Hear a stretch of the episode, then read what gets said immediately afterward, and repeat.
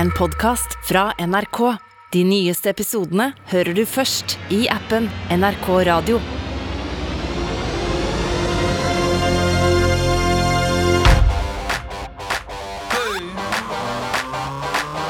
Popkorn og politikk. Med Sean Henrik Matheson og Torkil Risan. Jeg husker det aller første jeg søkt på internett etter. Det er ganske sjukt. det er ganske sjukt. Jeg husker det. Det var hjemme hos en kompis. Vi er kanskje tidlig 1996 nå. Jeg tror det var søkemotoren Alta Vista. Ja, ja, selvfølgelig. Klarer du å forestille deg hvordan det her er, eller er det første gangen du står der og potensielt har all verdens informasjon tilgjengelig? Hva skriver du inn i søkefeltet? Mm. Med høyre pekefinger letende over tastaturet, så skriver jeg inn Paul is dead. Som stor Beatles-fan så hadde jeg blitt helt oppslukt av historien om at Paul McCartney egentlig døde i en bilkrasj i 1966. En kamerat av pappa som fortalte meg denne teorien, husker jeg, og sa at det var mange hint om at en eh, Paul McCartney som gikk rundt, det var bare vinneren av en look-alike-konkurranse som Beatles arrangerte etter det tragiske dødsfallet i 1966, mens bandet var virkelig på høyden. Vanvittig, men utrolig fascinerende. Eh, sikkert ikke sant, men lell, hvis det finnes clues, så burde jeg i det minste sjekke dem ut, sant? Eh, og det er sikkert det her jeg, jeg tenker på mens eh, nettsida hadde funnet, står og bufrer. Det tar jo det tok jo noen minutter i 1996, og så, så åpna det seg en side med masse ren tekst. Jeg fikk skrevet ut det som sikkert ble ti av fire sider. For hjem, satte meg godt ned i saccosekken på rommet. Eh, senere den dagen, arkene på fanget, og der var det mye å begynne å grave i.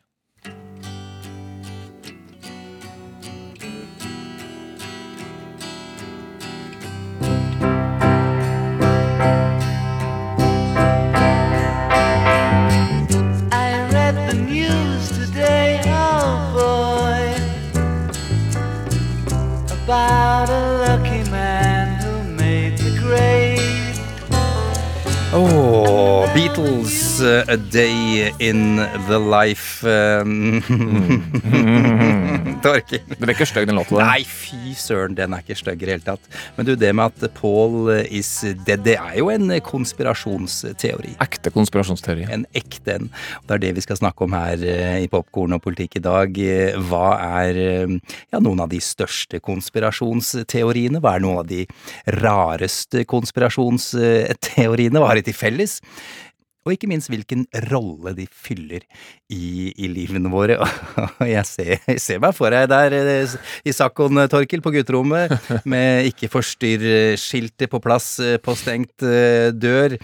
Eh, og jeg, jeg har hørt om dette her med at Paul McCartney liksom døde, men fader, jeg, jeg, kjenner ikke til, jeg kjenner ikke til sporene. Hva er det du fant ut av på den lille reisen der? Oh, ja, det er, det er en artig liten eh, reise. La oss, eh, la oss fråtse litt i, i de her cluesa. Det er mange hint eh, i å finne eh, i da albumcoverne som kom etter at eh, Paul skal ha dødd. Omstendighetene rundt døden var onsdag 9. november 1966.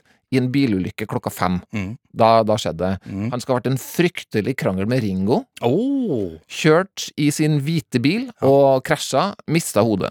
hodet falt av! Ja, eh, men Beatles ville ikke skape massesorg blant fansen. Nei. Her tar vi tak. Arrangert en slags audition, da. Eh, hvor da William Campbell Shears Billy Shears. For dere som eh, kjenner tekstene på Sgt. Pepper, så roper jeg jo om Billy Shears. Ah. William Campbell Shears eh, vant den auditionen. Um, og folk har da studert selvfølgelig øyefarge, kraniestørrelse osv. Og, og funnet da bevis på at personen før og etter 9. november 1966 to forskjellige. Og um, ja, ta Sgt. Pepper-albumet, da, så kryr det jo av hint. Hele coveret er jo begravelsen til Paul. Ja, ja, selvfølgelig. Masse folk. En mann står med hånda over Paul. Gammelt indisk dødssymbol. Hvis det er noen ting som er uklart her, alltid indisk symbol. Alltid! Det er veldig ofte svaret, hvis det, hvis det er noe som skurrer. Eh, hvis du zoomer inn på coveret, så ser du en blodig bilhanske. Altså en hanske som du har på når du kjører sånne, sånne type kule biler. Ja, ja, ja. Som er blodig etter krasjen, da. Okay. ok. Eh, og også, eh, også en bitte, bitte, bitte liten hvit, blodig bil er på, er på det coveret. Er det, ja, det er det! Dette her er sant, det du sier nå. Inni coveret, ja, så er det, så er det bilde av eh, bandet. Paul står bak frem. Ja. Oh! Indisk dødssymbol. det. det er selvfølgelig er det det. Det er Ja, indisk ja, ja, ja. dødssymbol. Tromma eh, på coveret har noen sånn Hvis du, eh, og du, det gjør jo folk, eh, sjekker det speilvendt. Ja. Og med litt godvilje så staver da ut 119, Ja. altså 11 november måneden. 11, ni 9, 9 november, ikke sant? Ja, ja. Og så har du låtene, da. Eh, Her er det masse Ja. eh, greier. La oss ta en av låtene på Sgt. Pepper, 'She's Leaving Home', med en referanse til dødstidspunktet.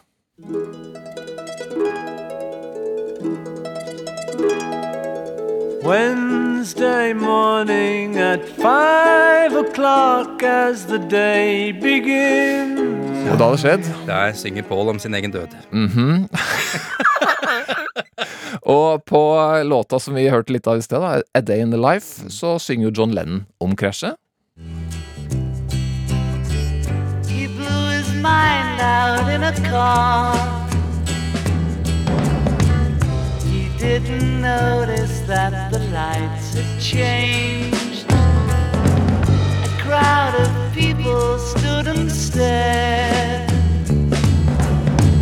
They'd seen his face before. Nobody was really sure if he was from the house of law. Du, Torkil, Ja. jeg får gåsehud på ekte her.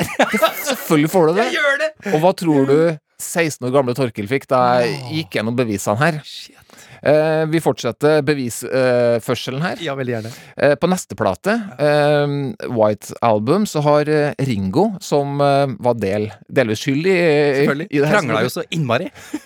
Eh, Han har skrevet da om da han venta engstelig på at Paul skulle dukke opp etter den fryktelige krangelen, og det her er fra låta Don't Pass Me By. I listen for your footsteps coming up the drive. Listen for your footsteps, but they don't arrive. You were in a car crash and you lost your hair. You said that. Han sa det jo rett ut! Han sa det rett ut! Ringo. Um, og på White Album der kryr det av ting. Der har også John Lennon flere hint. For dem som helst nyt Beatles-katalogen baklengs. Ja. Det er jo mange av dem som gjør det. Well, yes, yes. Paul, ingen ned. Der har du den. Uh, her er fra låta I'm So Tired. Uh, hvis du spiller slutten av låta baklengs, og det gjør du, liksom, Ja. uh, da hører du Paul is dead man. Ja. Miss him, miss him, miss him. Bare hør. No dead. Det var jo det jeg sa! Ja, der har du den. Den er kjent, den der. Ja. Det, det clouet der. Og på Strawberry Feels Forever, låta, så får vi høre John Lennon si Jeg tror det er John Lennon vi hører her, som sier ehm, I buried Paul Altså I buried Paul, da. Ja. Litt utydelig der, men eh, Nei, jeg kjøper det. du kjøper Jeg selvfølgelig kjøper det kjøper du det. lett, ja. Siste lydeksempel, kanskje det mest kjente, det er fra avantgarde-prosjektlåta Revolution 9, som var eh, John Lennon og Yoko Ono som bare satt og holdt på en stund Mm. eh, inne i studio, satt sammen ting. Montasjer. Og det er jo et krevende øvelse å høre hele den åtte minutteren der baklengs. Baklengs. Baklengs. Forlengs. Også litt utfordrende, men baklengs enda litt mer utfordrende, ja. men du blir belønna. Eh, her er et veldig tydelig hint. Eh, turn me on, dead man. Mange ganger.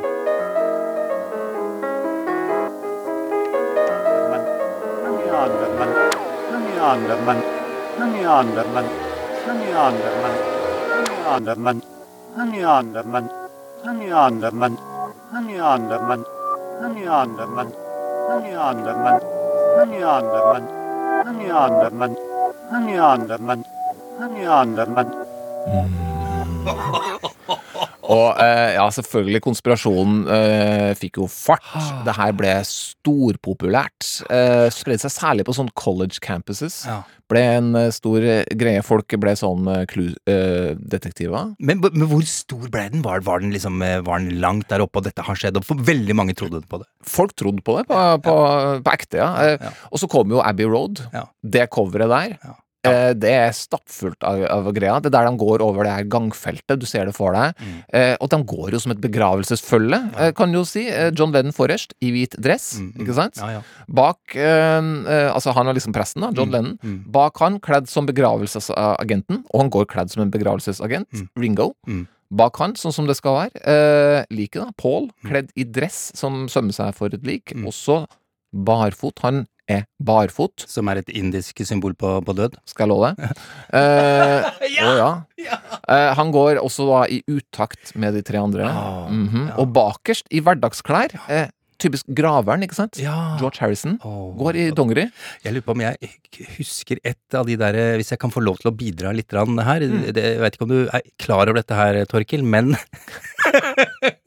På den bobla som står i bakgrunnen der Å ja Ja, du veit det! selvfølgelig. Jeg veit det, jeg bare tuller. Hva står det? Det står 28 if. Ja. Ja! Paul ville vært eh, ja, Da tenker jo folk Paul ville vært 28 Ja. hvis han hadde levd. Ja, ja. Han ville ha vært 27 oh, eh, hvis, hvis menn Oh, ja, ok. i indisk tro Oh, elsker India. så er du ni måneder gammel når du blir født. Å ja! Sleng på ni måneder.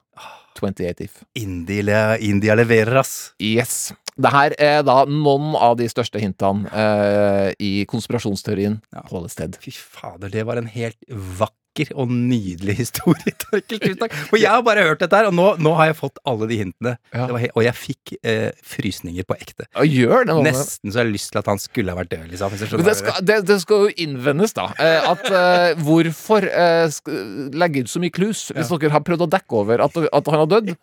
Drit i de klusene. Bare dropp det, liksom. Dropp dem, ja. og eventuelt, hvis de klarte å ha en audition og fikk tak i den her Billy Shares, for et skup! Han har jo laga tidenes beste låter. Det beste Paul McCartney laga, laga han jo kanskje eh, ja, etter 9. november 1966. Ser det, de fant liksom Mozart på et vis der. Vi må virkelig finne noen. Ah, Billy Shears. Oh God, du var god. altså. Ja. Du, altså, jeg, altså dette jeg- Ikke rart det der eh, slo han. Mm. En, en som slo han for meg Jeg kan ikke matche deg her, eh, Torkil, men en som jeg gikk skal innrømme det sjøl, jeg innrømmer det glatt. Jeg gikk rett på, Mm. og, og trodde. Det var jo da selveste da Vinci-koden. Ja, ja, ja, ja, ja, ja, ja.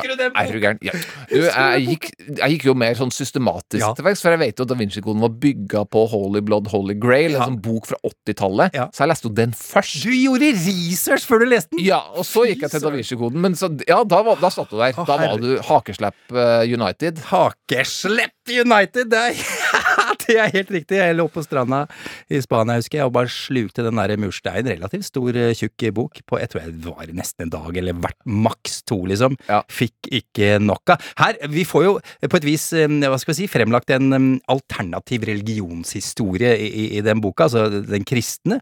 Og så viser det seg at Maria Magdalena har en veldig sentral posisjon eh, i denne historien. En fransk kongefamilie Ja, ja. som regjerte i noen få hundre år, egentlig, på 1000-tallet.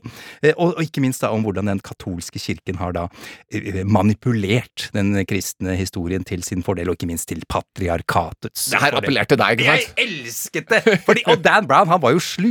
Eh, Før boka starter, så skriver han jo at på et eller annet vis Her parafraserer jeg litt, men alt er basert på fakta. Alle kunstverk, symboler, tekster, alt mulig. Alt er ekte, skrev han jo. Og jeg gikk rett på. Ja, ja, For ja. vist seg et- ettertid ganske raskt. Det var jo mange Det var en dag etter at boka kom ut, så sa folk at du, dette her er jo bare tull. Ja. Eh, men jeg tror det kanskje var min da litt sånn aversjon mot religion, for jeg Mm. syns ikke noe om det, for å være helt ærlig. Eh, Så jeg bare eh, Det var sånn fuck you da til katolisismen spesielt, og jeg, jeg, jeg ville at det skulle være sant. Selvfølgelig vil vi det. Og det. Det som er den store appellen her, det er jo et fantastisk eventyr. Eh, og finn spor, spor osv. videre. Ja, ja, ja, det er bra du sier fine spor, fordi eh, det er jo sånn at eh, Da Vinci er åpenbart en eh, sentral person her, og han har jo laget eh, Nattverden, dette bildet av ja. Jesus og sine tolv disipler. For et maleri det var. For, ja, men vi har jo ikke sett det på slik vi burde ha sett det. Fordi her skal du få høre et lite klipp fra filmen. Mm. Da Vinci-koden med Tom Hanks. Ian McKellen er også med her. mm. eh, hvor de liksom da tolker dette bildet litt på nytt. Og finner ting som har vært opplagt å se, men som vi ikke har sett i det hele tatt. Hør på dette her. Wait, please. You're saying the Holy Grail is a person? A woman? And it turns out she makes an appearance. Right there. But they're all men. Are they? What about that figure on the right hand of our Lord, seated in the place of honor? Hmm? Flowing red hair, folded feminine hands, a bosom, no? Incroyable. Pas tout à fait. It's called scoptoma. The mind sees what it chooses to see. Incroyable. Ja, ikke Ja, der satt jaggu Maria Magdalena. Ja. Kona til Jesus. Ja, ja. Så, i, i, Så Da Vinci visste jo det her. ja, Da Vinci visste jo alt det her. Det helt Ja, ja, ja. Han hadde kontroll. Ja, det må jeg bare si, altså. Fy søren. Eh, nei, så den gikk jeg rett på. Um, da, da vi begynte å snakke om denne her episoden, eh, Torkil, så, så, som jeg nevnte i starten, så skal vi finne de største og de ja, de store konspirasjonene. Mm. En som jo umiddelbart eh, vi begynte å snakke om en gang, nesten, det var jo at, vi, at mennesket ikke har vært på månen. Ja, den, den har sittet ganske lenge, altså. altså. At det var bare filma hele greia, så videre. Ja, ja, det var bare filma. Eh, men det var, jeg, det var så deilig, fordi da kom jeg på en film med en gang som jeg, som jeg så da jeg var liten, og som jeg har et veldig nært eh, og, og forhold til, eh, som heter Capricorn One.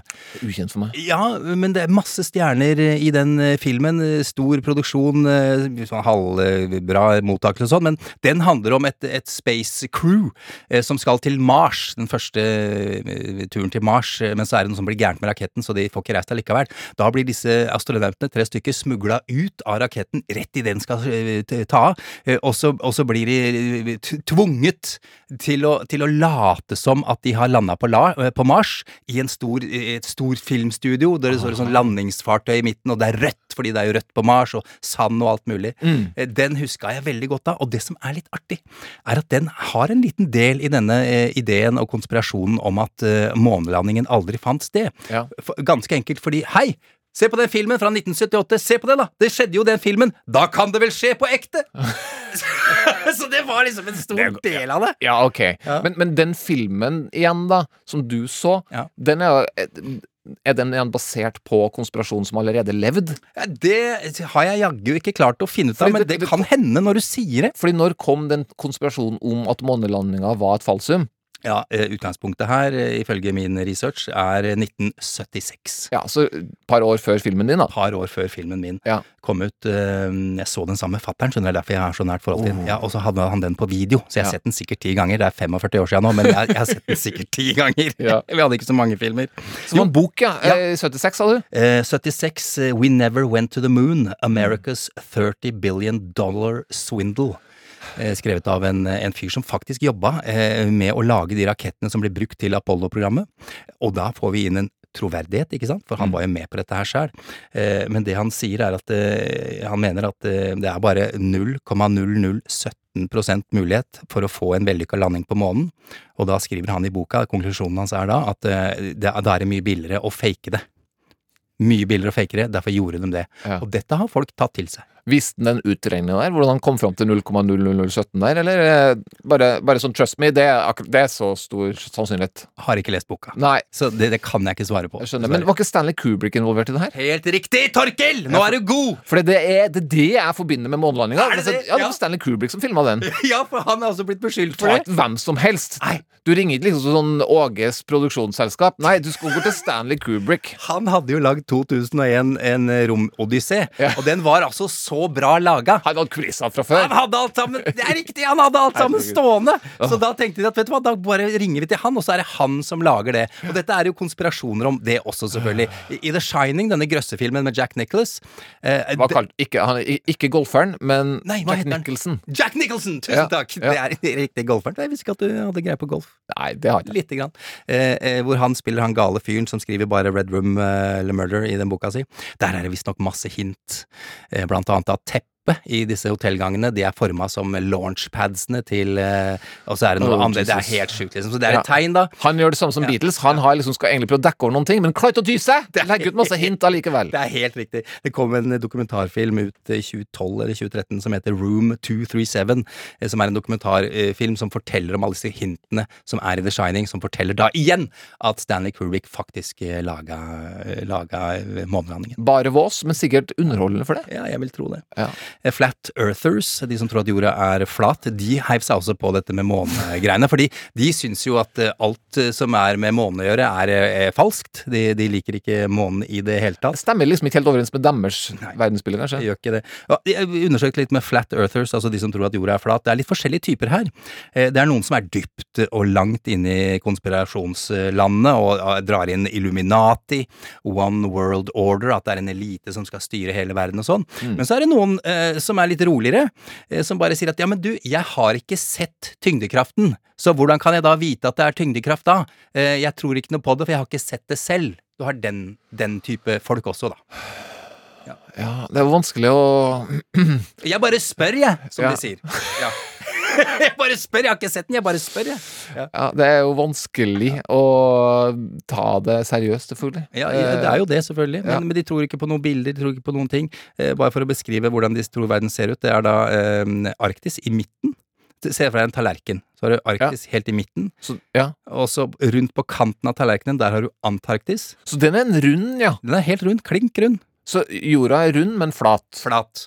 Som en pizza. Som Eller en- en tallerken. Ja, ja, ja, for all del. Eh, og så er det noen da som tror at jorda stopper At, det, at jorda henger ute i verden. Eh, og at det, du fall, kan falle over kanten hvis du lurer deg over iskanten i Antarktis. Men der står NASA og passer på for at du ikke skal kunne gå for langt til at du faller, faller ut.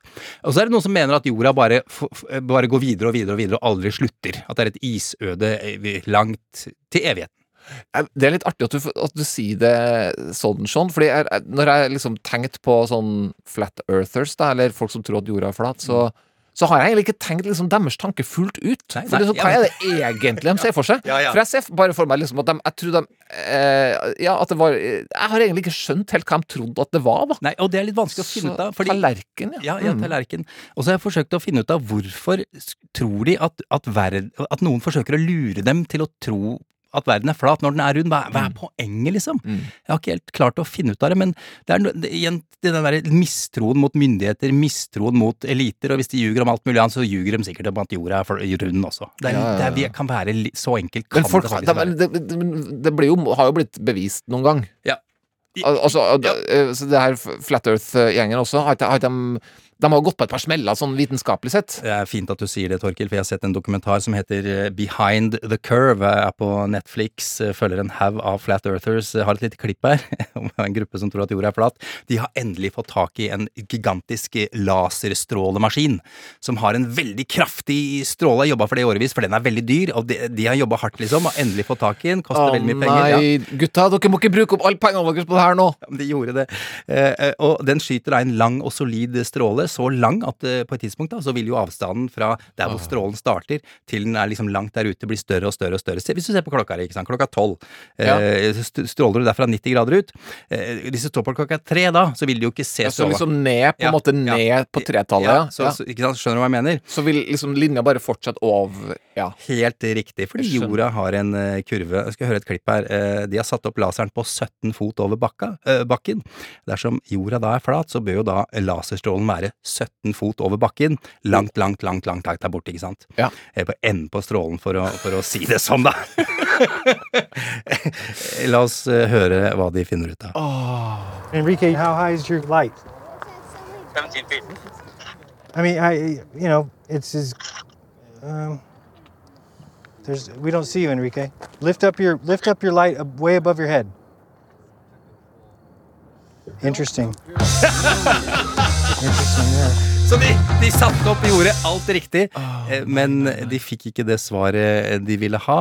Eh, De kalte dette her for eh, ikke-verifiserbart. Jeg tipper de dro tilbake, rekalibrert og er klar for et nytt forsøk om et par år igjen. Det gir seg jo ikke, selvfølgelig. Veldig søtt at de bare Nei, de tror ikke noe på For de gjorde alt riktig. De, de, de gjorde det de skulle, og målte og fant ut at jorda er rund, men de, og de orker ikke forholde seg til det. Ja, men da, altså, altså ja.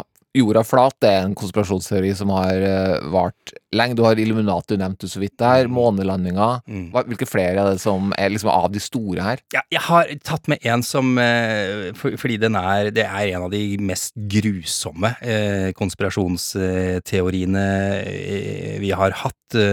Fordi den har faktisk ja, en stor del av skylda for at millioner av mennesker har eh, ble, ble, ble drept. Eh, Jeg syns det er viktig å, å ta den med, fordi det forteller litt om kraften da, i, i, i konspirasjonsteorier. Det handler om Hitler selvfølgelig, og hans propagandaapparat. De var jo mestere på eh, falske nyheter, og ikke minst eh, konspirasjoner. Eh, De gravde jo etter hvert fram Sions vise protokoller. Ja, den, ja. Eh, Kom ut eh, i Du har hørt om den, Torkil? Jeg hørte om det der skriftene der, ja. Ja, kom ut i 1903. eh, Det skal være da kort fortalt møteprotokollene fra den første sionistkongressen på slutten av 1800-tallet, eh, og som beskriver da i detalj hvordan jødene gjennom en stor sammensvergelse har, har tenkt til å ta over verden. Og dette er jo selvsagt bare oppspinn fra ende til annen. Allerede i 1921 så klarte de å avsløre at dette bare var en bløff, men, men kraften denne bløffen fikk var altså helt enorm, og, og, og for millioner av millioner av mennesker så ble det sannheten. Ja, og når alt jo da var over, så var jo da seks millioner eh, mennesker, jøder, eh, drept.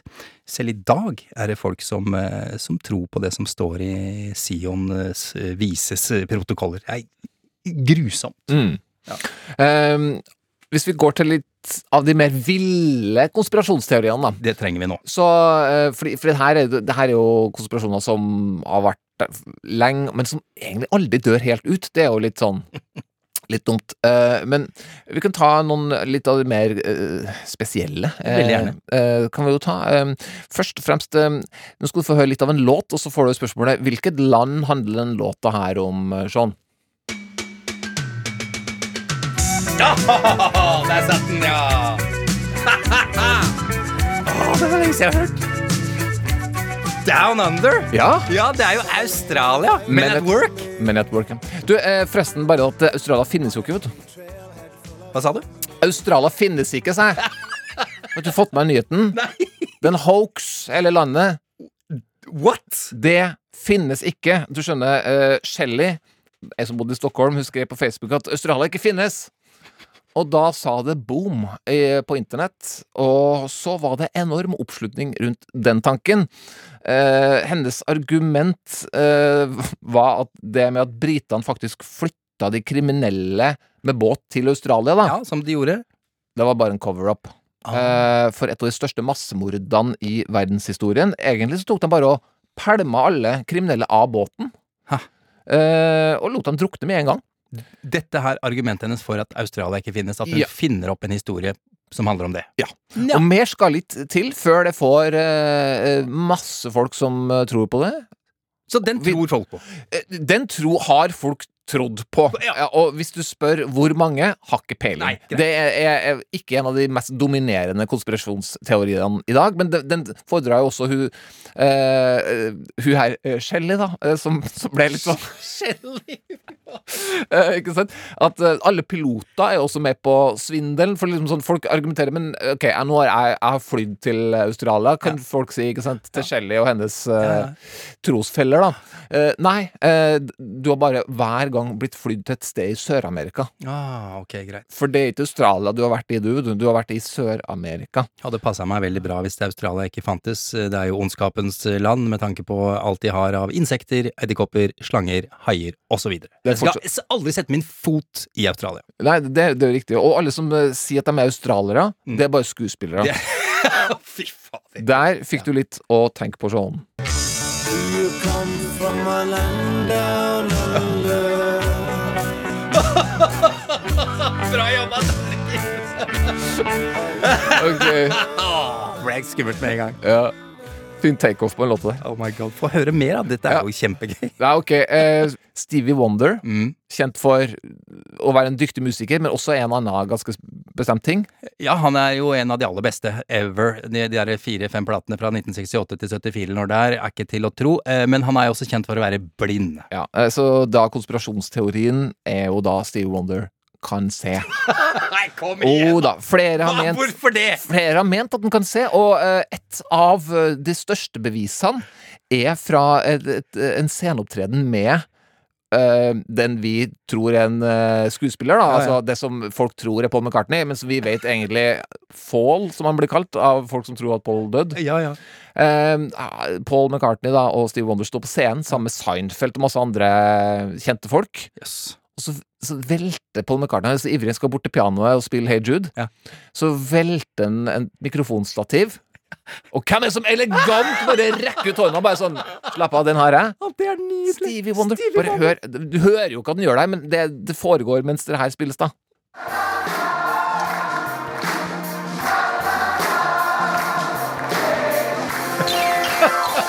Der.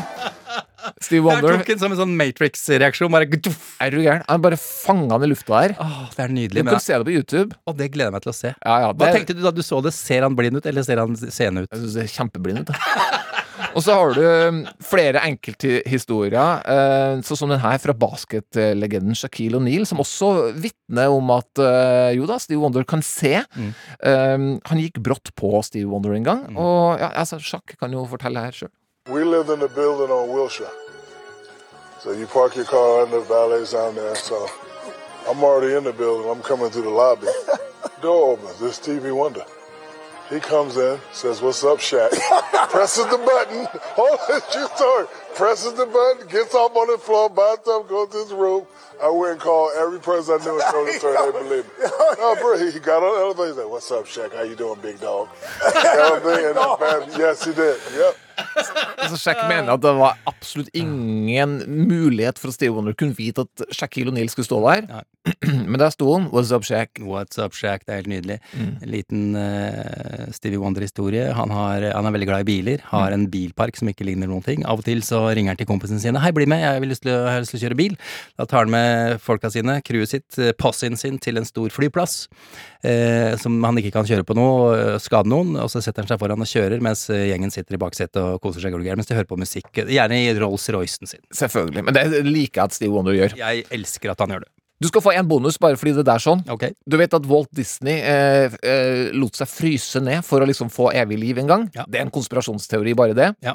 Også en dobbel konspirasjonsteori, fordi det her plager Disney-konsernet så mye at folk driver og søker Walt Disney Frozen. Walt Disney Frozen. At de laga en film som het Frozen! For å få Ja, ja, ja. For å få andre treff enn at Walt Disney ligger liksom eh, nedfryst et sted. Det er fantastisk. Det er konspirasjonsteorien Å, til jeg at elsker- Frozen ble laga av Disney. Det er nydelig. En film jeg har sett 150 ganger, forresten, Ja, med ikke dattera sant? mi. Ja, den er nydelig. Så da bruker du tida di på det, i stedet for å tenke på at Walt Disney ligger frosset ned. Torkel, du spurte meg aldri hva det første jeg googla var. Ja, Hva var det første du googla på internett? Sharks. Det var bare så enkelt som det. bare så si. Det var noen greier til det her, sånn. Internett, jeg vet ikke hva du skal gjøre med det. Sharks. Det var alt jeg visste, det kom veldig veldig seint. Jeg er helt enig med deg. Ja. Så er det jo da at noen ganger så viser jo sånne konspirasjoner seg å stemme. Mm. Altså at folk, det er folk som sier sånn, det er bare en konspirasjonsteori, du må ikke tro på det, liksom. Og så viser det seg jo faktisk Sånn som Watergate, for eksempel, Mm. var jo en konspirasjonsteori før det ble bevist og innrømt etter hvert. Alt var sant. Og nebbdyret. Mm. Folk trodde at det var kødd, selvfølgelig, da folk kom trekkende med et nebbdyr. Eh, det her er en hoax, sa folk. Ja ja, sant, sant, sant. Ingen trodde på det. Her er bare sydd sammen to dyr til et eh, rart et. Ja, for det er jo, det ser ut som en oter som har et uh, nebb Ja. eh, i ansiktet. Ikke ja. sant? Mm. Eh, men det viste seg også å stemme. Nebbdyret, platypus. Det, Det er- finnes det. Ja, og det er et kloakkdyr, bare så det er sagt. Og hvor bor det hen? Det bor i Australia. Nei, vent da, hvor er det det bor hen?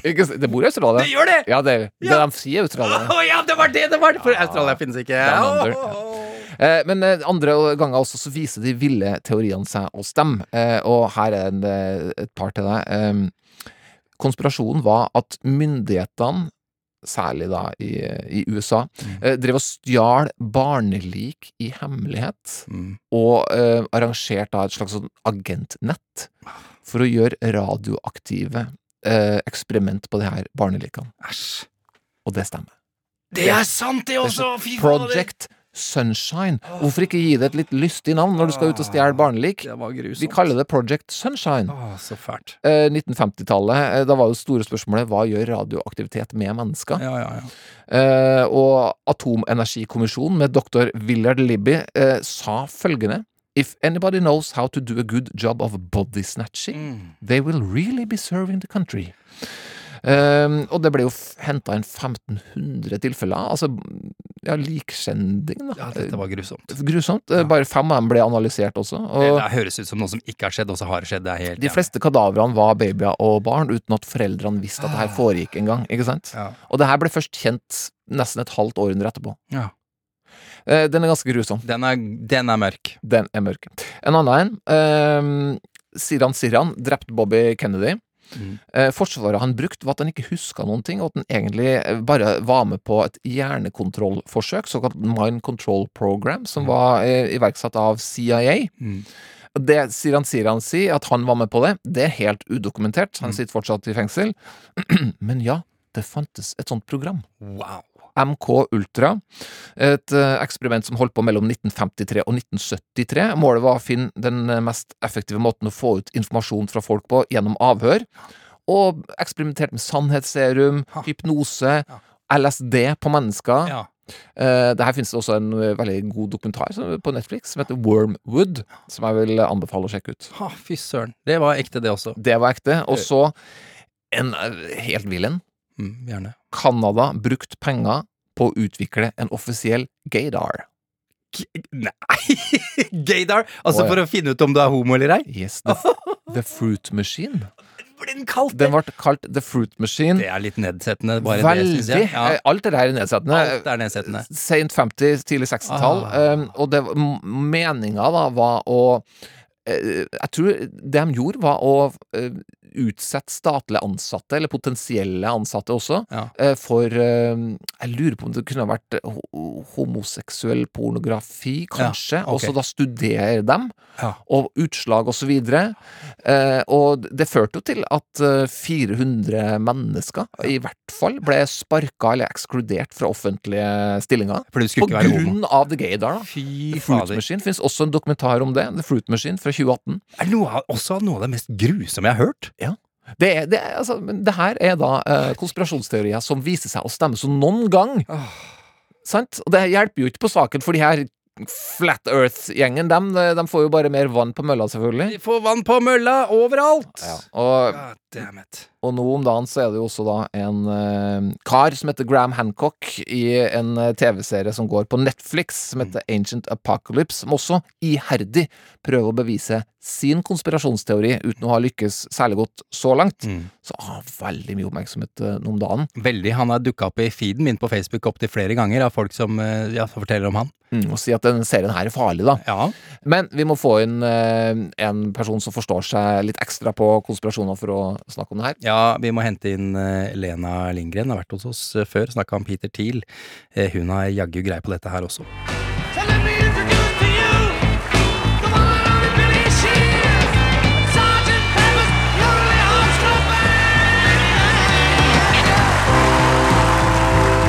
Popkorn og me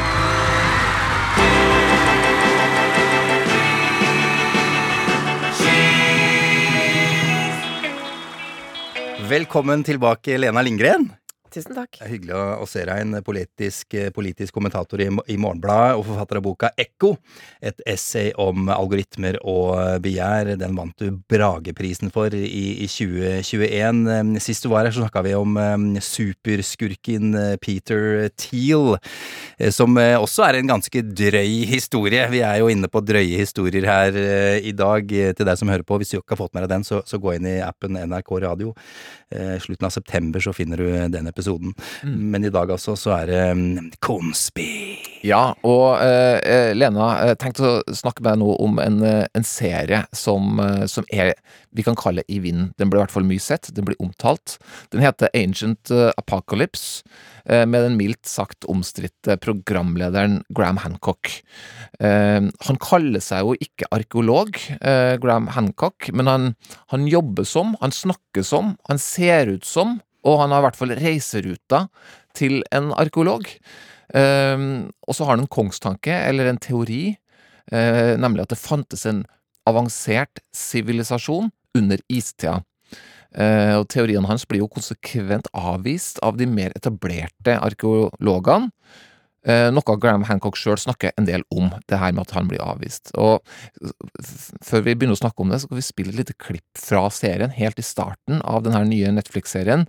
Eh, så introduserer da Hancock teorien sin. we have forgotten something incredibly important in our own past. And I think that that incredibly important forgotten thing is a lost advanced civilization of the Ice Age. Of course, this idea is upsetting to the so called experts, who insist that the only humans who existed during the Ice Age were simple hunter gatherers. That automatically makes me enemy number one to archaeologists. But perhaps the extremely defensive, arrogant, and patronizing attitude of mainstream academia is stopping us from considering that possibility. I'm trying to overthrow the paradigm of history. Kjenner at jeg blir eh, provosert eh, noe inderlig her, Torkil. Ja, eh, og ja, for eksempel avisa The Guardian, så blir serien Ancient Apocalypse kalt den farligste serien akkurat nå. Og hva, hva tenker du om det, Lena Lindgren? Ja, altså jeg, akkurat det der at det er den farligste serien um, Hva er det som er så veldig, veldig farlig ved uh, på en måte å ta opp en alternativ ikke, altså en pseudoarkeologisk teori. Hva er det som er så farlig ved det? Det, det må jeg egentlig liksom grunne litt over, da. Mm. Fordi at uh, jeg har sett litt av den serien, og uh, det som jeg ser, er jo altså at han, han uh, reiser til alle disse fantastiske spektakulære utgravningene og viser liksom gamle gravkammer og trappepyramider fra Mexico som er eh, Som viser seg en helt annen historie, mener han, da. Og dette liksom er jo Jeg syns det er Uh, kjempefascinerende. Jeg har alltid vært veldig sånn betatt av uh, forhistoriske sivilisasjoner og sånn arkeologiske mysterier, ikke sant? Men så har han da liksom dette andre fortellersporet som egentlig er liksom drivkraften i fortellingen hans, og det er at ja, det er en, en, hem, en slags hemmelig konspirasjon blant arkeologer, liksom. Og da er det sånn, hva, hva er det, hva, hvorfor er det farlig? Det virker jo helt usannsynlig at arkeologer skal uh, sitte og tviholde på en eller annen hemmelig teori. em, eller liksom at det, at det vitenskapelig etablerte sannheten skal være truet, liksom. Men, men jeg tror kanskje det som er farlig ved det, det er jo den generelle eh, skepsisen mot forskning og vitenskap. Ja, og her, det, er, det er derfor jeg blir så innmari provosert av det. Det du sier nå, jeg er glad du sier det sjæl der, Lena. Fordi jeg Det bygger jo opp under dette populistiske, denne populistiske verdenen vi lever i nå, der eh, vi, vi opplever kunnskapsforakt på alle nivåer. Man bryter ned institusjoner. Man kan ikke lenger stole på ekspertise. Eh, Og, og, greit, det er litt sånn fjollete med eh, Kanskje at, at arkeologene har en sånn hemmelig plan her og ikke vil Men, men det, er bare e- enda en sånn derre måte eh, å, å bryte ned eh, troen på, på at eh, verden er skrudd sammen relativt greit allikevel, da. Det, er det jeg opplever som farlig. Og ikke minst at det er på Netflix, som- som er et sted jeg kanskje tenker at vi skal stole på den, den, det innholdet vi får, at de er ryddige, da. Ja, det var jo liksom en av Trumps store strategier, ikke bare fake news, men fake science. Nettopp. Sånn at det å eh, Sånn sett så er det at når, når Netflix på en måte tar alle disse gamle Altså de alternative økologiske teoriene, som veldig mange har vært fascinert av, og det er jo, dette er sånn typisk populærvitenskap som selger i bøtter og spann der ute, eh, men når de liksom rapper det opp og gir det en konspiratorisk pakke, fordi det er det som selger nå, det er liksom selve konspirasjonstenkningen som selger, så, så klart at det er eh, Da er det en, et ledd i en farlig utvikling, da. Ja, ja, nettopp, og det, det er det jeg mener. da. Det er derfor jeg blir provosert og, og syns det er guffent. Så må jeg jo skyte inn her at eh, Ja, dere snakker om Netflix. Det, det er litt fascinerende med akkurat det, da, at Netflix har sanksjonert og betalt og produsert og uh, gitt sendetid til her, er jo at den personen som sitter og gjør det i Netflix, er sønnen til Graham Hancock. Faktisk. Det er så morsomt! Det er, og det bygger jo opp under enda mer. Så kan man gå inn i den uh, greia også, men vi skal ikke gjøre det nå. Det fins er- konspirasjoner i alle veggene her. Uh, rundt Det er eh, den ekte og sanne konspirasjonen. Ja, ikke sant? Det er jo sant, da. Men altså, vi er jo vi, altså, Så har vi det problemet. Vi er jo ikke arkeologer sjøl. Du har litt sånn hobby, du syns det er interessant du har sikkert lest litt om det, men du kan jo ikke kalle deg arkeolog, du heller, Lena Lindgren. Men så, da snakker jeg for meg sjøl. Jeg, jeg velger å tro. Altså, fordi, siden vi ikke vet fullt ut, så velger jeg å tro om liksom, et slags leap of faith, da, som de sier eh, på engelsk, eh, på at det sittende arkeologiregimet måte vil det beste, og, og har tålt kritikk, og er åpen for andre eh, tanker enn en den sittende, rådende eh, paradigme. Eh, og det her elementet med tillit er, kan jo selvfølgelig også vi, eh, eller, og dem, kritiseres for. Jeg vet ikke, Hva tenker du om det, Lena? Er det et problem det at vi ikke er arkeologer, rett og slett? Når vi sitter og vurderer det her, og, og eventuelt syns det er skummelt, da. Mm, altså, vi har ikke noe annet valg enn å tro på liksom, mekanismene innenfor vitenskapen, da, som handler om fagfølgevurdering og det å legge frem bevis og etterrettelighet, ikke sant. Altså, vitenskapen bygger jo på veldig, veldig mange øh, århundrelange standarder, da. Eh, og det er jo også det som, er, som utgjør heltefortellingen i konspirasjonsteoretikernes verden, at de er de som egentlig er de seende, da. De som skal gå ut og, og, og trenge gjennom disse sannhetene som, eh, som so-called eh, experts Ja, har Måten laget. måten han spytter ut det på, er jo, sier jo alt, spør du meg. Mm. Nei, altså at man skal være en sannhetsjeger og en, um, en som uh, gjennomskuer liksom løgnene. Det er jo en, det er en ekstrem elitefrykt og en elite mistillit til elitene som, uh, som driver sant, denne motoren, da. Mm. Så hvis man har det, så, så, kan, så, er, så er jo det i seg selv en grunn til å, ikke, altså til å ville utfordre etablerte vitenskapelige sannheter. Ja, og det som du nevnte, det, den her litt alternative motoren i denne serien, da, Ancient Apocalypse, som du nevnte, eh, Lena, er jo den der at han, han blir sensurert. Eh, og jeg har tatt med et eksempel til eh, fra episode seks, eh, hvor han er ved Serpent Mound i Ohio.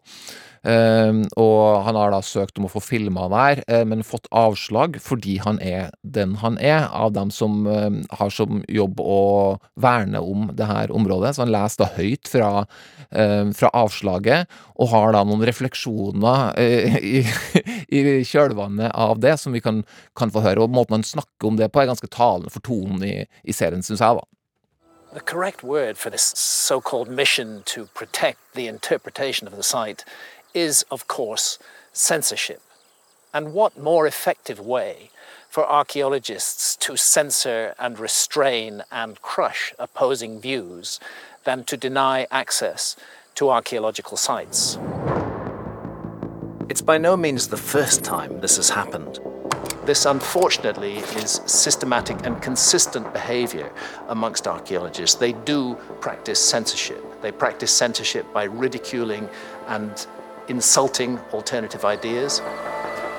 Altså, men, men igjen da, til det som er litt farlig her. Her, her liksom undergraver han hele eh, arkeologisamfunnet. Eh, og det jeg er redd for, er at det kan spre seg. Ah, Skjønner du? Bare for å gjøre det veldig sånn, litt sånn dumt og banalt her. Ok, ba, eh, arkeologene de er også skitne, de er også ødelagte. Det er selvsagt at leger og alle mulige andre institusjoner også er korrumperte. Det er jo liksom det som er en sånn grunnplanke i konspirasjonstenkning, det er jo eliteskepsis. Sånn at alle eliter da, alle, alle eksperter, eh, er, er det grunn til å liksom mistro på det dypeste. Så man må ta liksom skjeen i egen hånd og finne sannheten. Men eh, vil du, tenker du at, det, at serien eh, som nå ligger på topp 10-lista på Netflix eh, rundt omkring, og blir veldig eh, sett, da Tror, du at det representerer en slags tendens, det her? Vil, vil vi si mer av sånt, tror du? Ja, og den tendensen ser jeg har vært eh, har vært der en stund. Altså, for det har vært, eh, det har vært mye rart på Netflix eh, i den så, såkalte sånn dokumentarsjangeren de siste årene. Og dette er jo sånn Vi vet jo hvem som sitter og bestemmer serien der, så det Ja, altså, men det er jo det at nå, nå ser man at det ligger et stort markedspotensial ikke bare i liksom de alternative, liksom mystiske forhistoriene, men også i selve liksom det konspiratoriske eh, fortellergrepet, da. Uh, og det er det som er Det er derfor Netflix uh, Og det ligger så høyt opp, ikke sant, på seertall. Det er det som er det farlige, at man, man venner seg til den typen dramaturgi. Sånn aldri stol på ekspertene. um, fordi uh, de har noe å skjule. Hvor, når er det det begynte, dette her? Kan du si noe om det, Lena? Dette har jo vært en ehm, Det har alltid vært konspirasjonsteorier, ikke sant, og de har jo veldig ofte de samme mønstrene, nettopp den eliteskepsisen, og veldig mange av de helt sånn samme temaene, og motivene går igjen også, sånn som type sånn at elitene drikker barns blod. Det er jo, ser man i QN, og man har, det har vært, vært der siden, altså siden at jødene drakk blod for, eh, i rituelle ofringer for tusenvis av år siden. Så at de samme motivene går igjen og igjen. Uh, men um, men hvordan, så det, det har alltid vært Jeg ser en, en stor oppblomstring eh, med nettet, uh, og det tror jeg har å gjøre med altså at det er et uh, veldig sånn kraftfullt instrument som nesten er designet for det. Det er lett å klippe og lime fakta og sette de sammen. Og det er veldig lett å spre dem, ikke sant, og det er lett å finne likesinnede over hele verden som tenker det samme, og man har anbefalingsalgoritmer som gjør at liksom hvis du tenker sånn ok, ja, du tror ikke, du tror vaksinen egentlig er en microchip som kommer under huden på deg, men da tror du også kanskje på denne her som er, sier at jorden er flat, eller at eh, Hillary Clinton drikker barns blod, eller at 9-11 var en innsidejobb, jobb, ikke sant. Det, er- jeg nevnte jo i starten av uh, sendinga i dag at uh, det første jeg søkte på på internett, uh, det var jo Paul Isted, altså den her teorien, uh, konspirasjonen da, eh, om at Paul McCartney døde i en bilkrasj uh, 9.11.1966. Eh, og det var, på, det var jo første gang jeg hadde tilgang på internett, selvfølgelig, så folk satt jo bare og venta på å komme seg på internett for å, for å dukke ned i konspirasjonene. Og, og jeg merka jo sjøl at altså, det er jo nesten avhengighetsskapende, ikke sant. Det det, det var kult, det var spennende. Du får tilgang på en verden som Eller og i hvert fall clues, og du er, en, er sjøl med å avdekke noe, da. Eh, ja, hva, hva tenker du om det, det der avhengighetselementet ved, ved denne type aktivitet? Hva, Mm. hva, er- hva som skjer inni meg når jeg holder på med det der? Altså, det er jo Vi har jo en eh, Hjernen vår er laget eh, sånn at vi ser Vi kan potensielt se mønstre der hvor det faktisk ikke finnes eh, noe mønster. Altså, det heter apofeni, den, eh, det trekket hvor vi hvor vi ser sammenhenger mellom urelaterbare fakta. Mm. Um, og det gjør vi alle sammen. Vi, vi jump to conclusions når, eh, når vi trenger det. Det er en, fordi vi har vært avhengig av siden tidens morgen å liksom identifisere fare der hvor det ikke nødvendigvis er fare, men vi må kunne se, forutse fare. Sånn at eh, denne Det der, da, det er det der å plutselig liksom Å ja, se her, alle brikkene passer sammen. Mm. Ok, det er, det er avhengighetsskapende, ikke sant, fordi man føler mestring, man føler sammenheng, for mening der hvor det ikke oppleves av mening, og det, er- det er jo mange studier som viser at eh, tilbøyelighet til konspirasjonstenkning er eh, veldig Det er forbundet med politisk avmakt, mistenksomhet, mistillit, sånn at det er ikke hvem som helst som, som tror på Men du har også kjent på det, har ikke du det, Å, Lena ja. Lindgren? Ja, fortell om det. Nei, altså jeg eh, så jo at jeg var i ferd med å lage en konspirasjonsteori rundt Petter Thiel når jeg skrev om, om Silicon Valley. Mm. Um, og det er bare fordi at eh, ja, man ser man, man drar et sted, så ser man dette navnet dukker opp overalt, og så begynner man å trekke linjer mellom alle, alle disse faktaene, så ser man at dette her er jo Dette er jo en masterplan han egentlig har, ikke sant? Mm. Og han er en elite, og han har, sitter med utrolig mye teknologisk og økonomisk makt, og han har en plan med oss. Og så, og så bare ble det en veldig fascinerende Ja, altså, men fikk du også den der at du tenkte veldig mye på det? Altså, du, altså det, det addiction-greia spiller inn, da? Altså at du, at du liksom hele tida sjekka det? Ble du sånn? Du, Ja, ja. Jeg begynte å stalke han på nettet. Ja. Og så Og et, lenge etter, for da når jeg liksom var ferdig å skrive om han og sånn, så, så la jeg det vekk. Og så googlet jeg han liksom ja, noen måneder etterpå, og da kjente jeg sånn adrenalinrush. Der er han! Ja, jeg hadde jo litt sånn med, som jeg også snakka om i dag, med, med Da Vinci-koden, som jeg gikk rett på. Tenkte at sånn er det, sånn er verden skrudd sammen. Men, men du sa at det er ikke alle, eh, Lena, som, som liksom faller i, ned i denne gryta, for å, for å kalle det det. Hva er, hva er det som gjør at noen har lettere for å havne der enn andre? Altså, studier viser at det er, det er stor sammenheng mellom opplevelse av politisk avmakt og tilbøyelighet til å tro på konspirasjonsteorier. Um, og hvis man er også disponert for um, altså mistenksomhet nesten over mot paranoia, så er man også mer tilbøyelig. Eh, Jeg tror det er en veldig stor misforståelse å tenke at folk som eh, tror på konspirasjonsteorier, er dumme. Fordi at de er på et visst nivå ganske smarte, for nettopp de lager disse mønstrene i, eh, i liksom eh, kaos. Um, og så har man funnet også en eh, som jeg syns er litt morsom, en, eh, et fellestrekk, og det er at eh, man, eh, man tok en stor mengde forsøkspersoner og, og testet uh, sånne svada-setninger på dem. Litt sånne dype svada-setninger, sånn som for eksempel Helheten uh, utspiller uh, uendelige skjønnhetskonstellasjoner, eller noe sånt. Altså, og bare Ikke sant? Og folk da, de som hadde trodd på konspirasjon, de skårte liksom dette var en dyp sannhet. Eh, og dette er jo mambo jumbo, ikke sant? Altså den setningen Kom du på den akkurat nå sjøl, eller? Det var Nei, veldig bra. Det var, det, var en, det var en variant av de Ja. som, eh, som de ble testet på.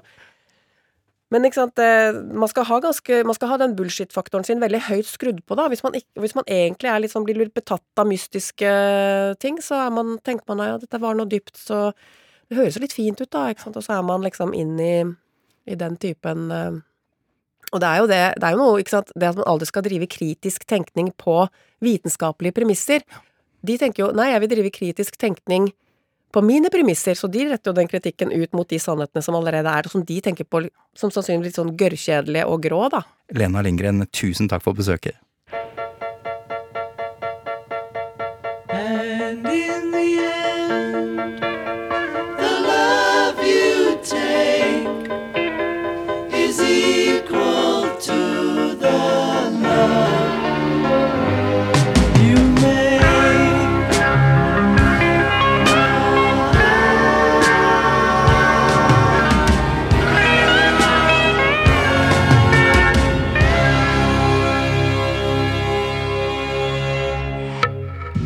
Det lange løp er tilbake i vinterdrakt.